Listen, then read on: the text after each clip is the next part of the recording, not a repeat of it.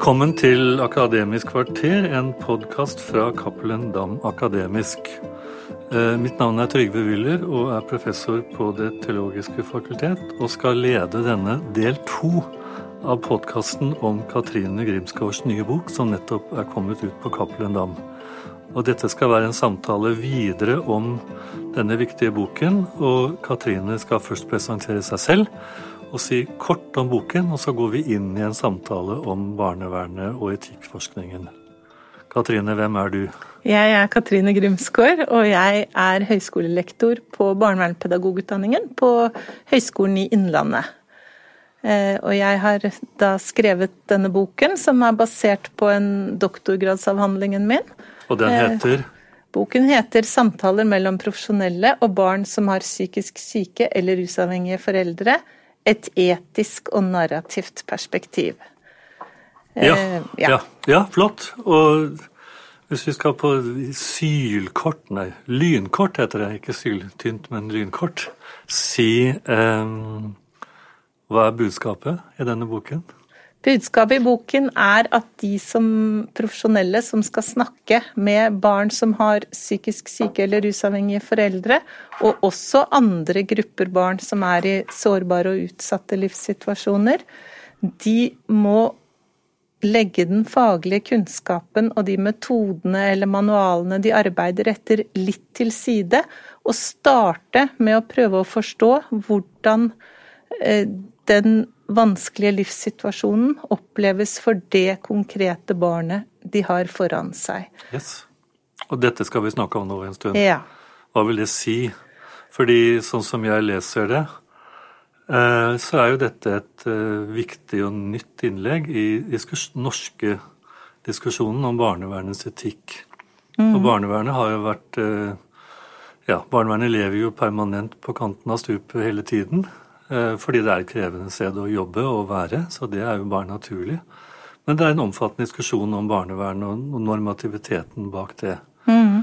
Eh, og det er, eh, og det er masse, utviklet masse kompetanse i forskjellige fag om dette. Svære feltet som berører utrolig mange barn og enda flere voksne.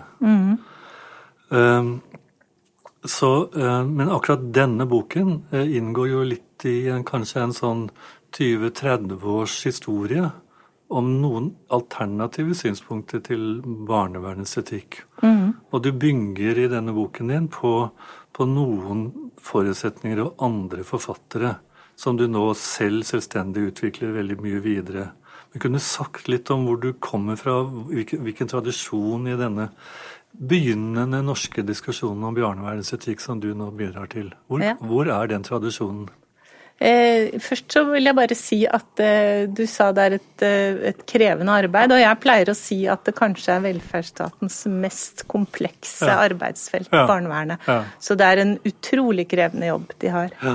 Ja. Så kommer jeg jo egentlig fra deg, Ja, det er sant. hvis man kan si det, sånn. Det er- går litt langt, men ja, du mener noe litt mer presist. Faglig tenker jeg på, ikke på andre måter. Eh, og du skrev en eh, artikkel for eh, veldig mange år siden, som du selv sier, som heter 'Hva skal vi gjøre for, hos eller med Jenny?', som handler om en jente som har en psykisk syk mor. Og som eh, forteller til en forsker at eh, moren ikke gjør annet enn å sitte og stirre inn i veggen hele dagen. Eh, Og at denne jenta som heter Jenny, som forteller dette til forskeren, hun sier at når moren er sånn, så ønsker hun at moren var død. Og da skriver du i den artikkelen at eh, det fins veldig mange tiltak man kan tenke seg å, å sette inn for å hjelpe Jenny, men det aller viktigste er kanskje å prøve å forstå hva hun mener med det hun sier der, og ta det på alvor. Og ikke prøve å bortforklare det eller si at nei, det mener du vel ikke, Jenny, eller det kan ikke være sånn, men starte med hennes utsagn. Og ta det på alvor. Og så kan man sette i gang andre hjelpetiltak etterpå. Eh, og det er en måte å tenke om etikk på, som, hvor etikken oppstår i det konkrete møtet mellom den som snakker med barnet og den som skal hjelpe, som jeg syns umiddelbart virket veldig fornuftig. Ja, fornuftig er vel akkurat ja, men, Veldig klok. Men, men, det er jo selvfølgelig Dette handler ikke om min artikkel, men, men det er jo et interessant case. Ja. Og, og eh, i den artikkelen min som, som jeg har brukt en del annen forskning for å skrive om, så det viktigste premisset mitt var jo Hans Skjervheim. Ja. Og hans, eh, hans eh, såkalte berømte trekant. Så det er jo denne en gang for lenge siden Skjervheim-baserte tenkningen mm. som i hvert fall er ett tungt bein i både det, det, som jeg gjorde for lenge siden, og det som andre, og etter hvert du, bygger på. Mm. Kan du si veldig kort, hva, hva er dette, denne treledde relasjonen som Hans Skjervheim for mange år siden utviklet, men som etter hvert ser ut til fortsatt i dag å bety ganske mye, denne normative diskusjonen, mm. også i barnevern? Hva er, hva er, dette for noe? Skjervheims poeng er at eh, hvis eh, begge parter i en relasjon skal kunne få lov til å framstå som subjekter, så må man møtes i noe, noe tredje, noe mm. som er utenfor selve relasjonen. Mm. Vi kan ikke bare snakke om hverandre, vi må mhm. snakke om den saken som enten én eller begge i mhm. relasjonen er opptatt av. Og i Jennys tilfelle er jo det Eh, at hun ønsker at moren var død. Mm. Og, og, da er mm. Jenny Da skal vi ikke prøve å finne ut om det er noe galt med Jenny, eller si at eh, nei, Jenny, nå tar du vel litt hardt i, eller sånn, men vi skal uh, spørre hva mener du med det? Altså bli værende i det bli som kalles i... saksforholdet. Ja. Ligger det en sånn passe tilslørt kritikk av datidens psykologi, tror du, i, i, hos Skjervheim? Helt klart. Alltid, det er litt sånn litt ondsinnet, skjult kritikk? Ja. Er det det? Jeg ja. tror det. Ja, jeg tror også det. Eh, og, og det er vel en kritikk som også er gyldig i dag, hvor vi har lett for å tenke eh, at det er noe med den personen som mm. skal endres, og mm. ikke med det personen er opptatt av. Det så vi jo i den fortellingen vi snakket i forrige runde. I forrige runde med barna mm. som eh, sa at de ville ta seg av moren sin. Mm. Så, så, blir fokuset fort på at det er noe feil med barnas følelser, i mm. stedet for å fokusere på den saken barna ja. er opptatt av. Og dette er jo et bærende poeng i hele boken din. Ja. Men i, i årene fra 2000 og fremover så har det vært andre norske forskere som også har på en måte gått videre i ulike varianter av dette sporet, som du selv eksplisitt bygger på. Ja, Solveig kan du peke på noen av dem? Ja. ja. Hun mm. har også skrevet en Hva sa du hun het? Solveig Østrem. Ja. Hun har skrevet en doktorgradsavhandling om barnet som subjekt, og hun har fortsatt å jobbe med det etterpå også. Mm. Hvor hun nettopp er opptatt av det at hvis, eh, hvis vi skal ta barn på alvor som subjekter, så må vi gi barn noe meningsfylt. å, å engasjere seg i. Mm. Og da er det igjen dette, dette, som er ikke Det er ikke barnet og det er ikke den voksne, men det er det den voksne og barnet sammen kan ja. snakke om eller ja. samhandle om, eller mm. noe sånt. Noe som befinner seg utenfor relasjonen mm. mellom den voksne og barnet. Ja. Ja, og det, det, er eksplisitt bygget på den samme Skjervheim-tenkningen. Ja, hun, hun, også bygger på skjærveim. Og hun jobber nå på Oslo Met som professor i, I dette feltet? Ja, ja, det gjør hun. Og så er det en til som ja. har professor i, på, i Agder. I Agder, og er, hun heter også Solveig. Ja. Og hun heter Solveig Botnen Eide. Eh, og hun har eh, en litt annen vinkel, men som passer veldig godt inn i denne tenkemåten. Hun er eh, inspirert av Løgstrup, og er kanskje Hvem er det? Det er en dansk professor Eh, Knut Løgstrup, som har skrevet en veldig kjent bok som heter 'Den etiske fordring'. Eh, og Solveig Botten Eide er kanskje, vil jeg si, mer opptatt, ikke som Solveig Østrøm, av det som er utenfor relasjonen, men selve det som foregår i relasjonen. Hva og, mener du med det? Ja, hun beskriver f.eks. et mm. møte mellom et barnevernsbarn og en profesjonell som et møte mellom barnets Altså som et møte mellom to forståelseshorisonter. Ja. Eh, hvor hun betegner barnets forståelseshorisont som den erfaringsbaserte horisonten, og den profesjonelles horisont som en prinsippbasert horisont. Ja, så dette er jo blitt et viktig altså Dette har Solveig Botnan Eide lansert, denne dette distinksjonen mm. ulikheten mellom disse erfaringsbaserte og prinsippbasert. Mm. Og det spiller en viktig rolle i hennes uh, avhandling, og du bruker det jo veldig aktivt selv. Jeg syns det er et, et ja. veldig, en veldig god beskrivelse ja. av uh, hva man mm. har med at man har med seg veldig forskjellige ting inn i den relasjonen. Mm. At barnet kommer til møte med den profesjonelle med sitt liv og sine livserfaringer, mm. og har i grunnen ikke lest seg så mye opp på hvem det er eller hvordan det bør ja. tenke, mm. mens den profesjonelle kommer med sin faglige kunnskap, sine metoder eller manualer. Mm. Og en del av det å være profesjonelt har jo tradisjonelt vært å legge sitt eget til side og mm. fokusere på det faglige. Så den, den, profesjonelle har jo også en erfaringsbasert horisont, men den tillegges ikke den samme betydning i Nei, dette møtet. Og, så, og, så dette, I tillegg til Berit Bae, som også er en ja, tredje Hun er en tredje, forfatter. og hun er kanskje ikke med i denne tradisjonen, nei, men nei, jeg har tatt ja, henne inn, ja, for jeg syns hun, hun, bidrar med enda et perspektiv. Og hun, hennes doktorgrad også, hvor hun har eh, observert samhandlinger mellom voksne og barn i barnehagen, og hvor hun etablerer det hun kaller romslige og trange samspillssituasjoner. Mm. Eh, og det hun har vært opptatt av, er eh, hvilke muligheter barna får til å bli møtt med anerkjennelse og respekt for det de står fram med. Og da sier hun at i romslige samspillsituasjoner så, så, tilkjennes det barnet sier gyldighet, og den voksne er interessert, spør mer, mm. eh, interesserer seg for det barnet forteller. Mm. Altså sagt med Solveigbotten Eides ord, for barnets erfaringsbaserte horisont. Ja. Mens i, den, i, de trange samspillsformene så kan den voksne også virke interessert i det barnet sier, men den voksne har en annen agenda. Ja.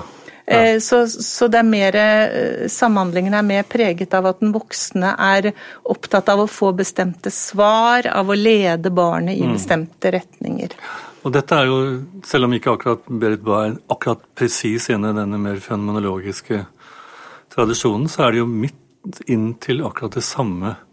Um, hvis jeg kan sette det litt på spissen, så er det, det kan vel hende at denne skillet mellom erfaringsbasert, altså barnets, barnets egen horisont, mm. versus den prinsippet de gruppelederne eller de profesjonelle kommer med manualen sin, mm. at hvis du tenker liksom en gang til på det skillet mm. Nå er vi på vei ned en ny doktorisputas. Ja, men det gjør vi gjerne. så er det vel kanskje litt enkelt å si at den erfaringsbaserte ikke er faglig, mens den profesjonelle er en form for faglighet. For det du nå sier, er jo en super faglighet. Du er jo selv faglig. Ja, det kan du si. Så det er jo egentlig en, en uenighet om ulike typer faglighet vi har med å gjøre her. Ja. Kanskje heller enn en sånn litt naiv bare høre på de andre, eller komme med manualen. Ja, det, det er, er, du med på det? Ja, det er jeg med på. Det, det var kjempespennende. At uh, den Eh, hvilken betydning skal den profesjonelles egne erfaringer, ja. tanker, følelser eh, tillegges i det faglige arbeidet? Ja, for det er kanskje det det handler om. Ja. For det du særlig tok opp fra, fra Solveig Botnen Eiende, at de, de profesjonelle eh, så å si ikke trekker sin egen livssituasjon ja. inn i samtalen. De har en annen agenda, sa du. Ja. Og det tror jeg er veldig presist. De har veldig en annen agenda. Mm. De vil egentlig diskutere om Solveig Botnes Eides barna som er saken i Solveig Botnes Eides eh, avhandling, mm. er jo barn som, som uh, har samværsrett, eller ikke, nei, hvor foreldrene har liten samværsrett med barna. Mm. Og de vil vite om det er behov for mer eller mindre samværsrett. Og de prioriterer ofte biologiske foreldre osv. Mm. Men, men så de har en annen agenda, disse profesjonelle hos Solveig Botten Eide. Ja. Og dine profesjonelle i, i, dine grupper som du har sett på i barnevernet Overalt. overalt de har også en agenda ja. eh, som du mener står i kontrast til barnets livsverden. Ja, ja. Eh, fordi barna, altså de, de, profesjonelles agenda er å prøve å styrke barna og gi dem kunnskap og forståelse, sånn at de skal mestre den vanskelige livssituasjonen mm. de er i. Mm. Eh, sånn at de selv, når de blir større, ikke skal få egne psykiske ja. problemer. Men din agenda, faglig agenda, ja. er jo på en måte å, å la disse barna og de gruppelederne, for å si det med Skjervheims ord, da, samle seg om noe tredje Ja. også. Ja. Ikke bare om manualen til, til, eh, de, til gruppelederne, men at de skal høre på barna, ikke for å være kule, men fordi de skal samle seg om noe tredje, noe annet enn Ja. både det ene og det andre. Ja. Er det ikke det? Og det er jo et faglig synspunkt. Det er mitt faglige Så du er en lur faglig, du er en faglig lurhet. Så, altså, det er jo, så det er, poenget er at det er en faglighet, grundig faglighet til det du vil. Ja. ja. Jeg mener de må samle seg om barnas forståelse Ja. av de livene de lever. Men skal de ikke også snakke altså ikke samle, altså Barna har jo ikke alltid rett. Nei. Eller? Nei. Ja. Eh, men eh, eh, jeg tenker at eh, barna, det barna forteller, er deres opplevelse av det livet de lever. Mm. Og det, den er dannet på bakgrunn av alle de erfaringer de har gjort så langt i livet sitt. Mm. Og den er verken riktig eller feil, den er deres opplevelse. Mm. Men vi mennesker vi prøver jo hele tiden å forstå oss selv og livene våre på nye måter. Mm. Altså Vi prøver hele tiden å utvide eller videreutvikle den forståelsen vi allerede har. Det, det kan vi kjenne igjen i oss selv. Men hva burde disse gruppelederne ha gjort i stedet, hvis de skulle legge manualene Ja. vekk? Nå, nå brenner vi manualene. Ja, jeg tror Hva, jo vi gjør, hva, godt hva skal de gjøre istedenfor da? hjelpe barna å utvikle den forståelsen de har av Mm. livet sitt, på en eh, måte som, som barna kan kjenne seg igjen i. Mm. Eh, og det er klart, som vi leste i den fortellingen i stad, Mm. eh, hvor noen barn tenker altfor mye på foreldrene sine og for lite på seg selv, Mm. så kan det godt være man skal prøve å hjelpe barna til å utvide den forståelsen de har. ja. Men så må man jo ikke overlate alt dette til barna. Mm. Det aller viktigste er kanskje at man setter inn andre hjelpetiltak. Mhm. Eh, Sånn at barna Mm. gjennom livet sitt vil få en annen forståelse. Ja, for det er jo et mål. altså De profesjonelle kan jo ikke være naive om at disse barna selvfølgelig setter pris på bidrag til å mestre, klare livet sitt Ja. bedre. Så skulle da, skal de da forvente, eller er det ditt bud at de profesjonelle da skal mer uten manual Mhm. lytte til hva barna sier, og bli med på en diskusjon om det de sier? For da, hvorfor skal de det? Eh, Det har, Uten manual? uten manual. Eh, De kan godt hente manualen etterpå Ja, hvis ja, de vil det. ja. Det er klart de, de profesjonelle har en faglig kunnskap med seg. De Mm. kan en del om barns utsatthet, og, Mm. altså barn som er i utsatte livssituasjoner.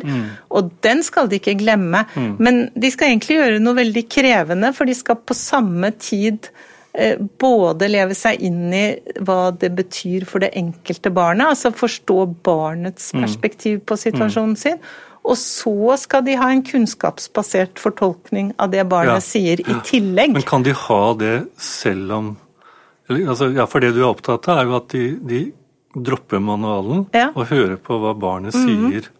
Men når de hører på hva barnet sier og begynner å kommentere det, så er det vel nesten forventet at de har noe å by på. Ja, De kan jo ikke si ja vel.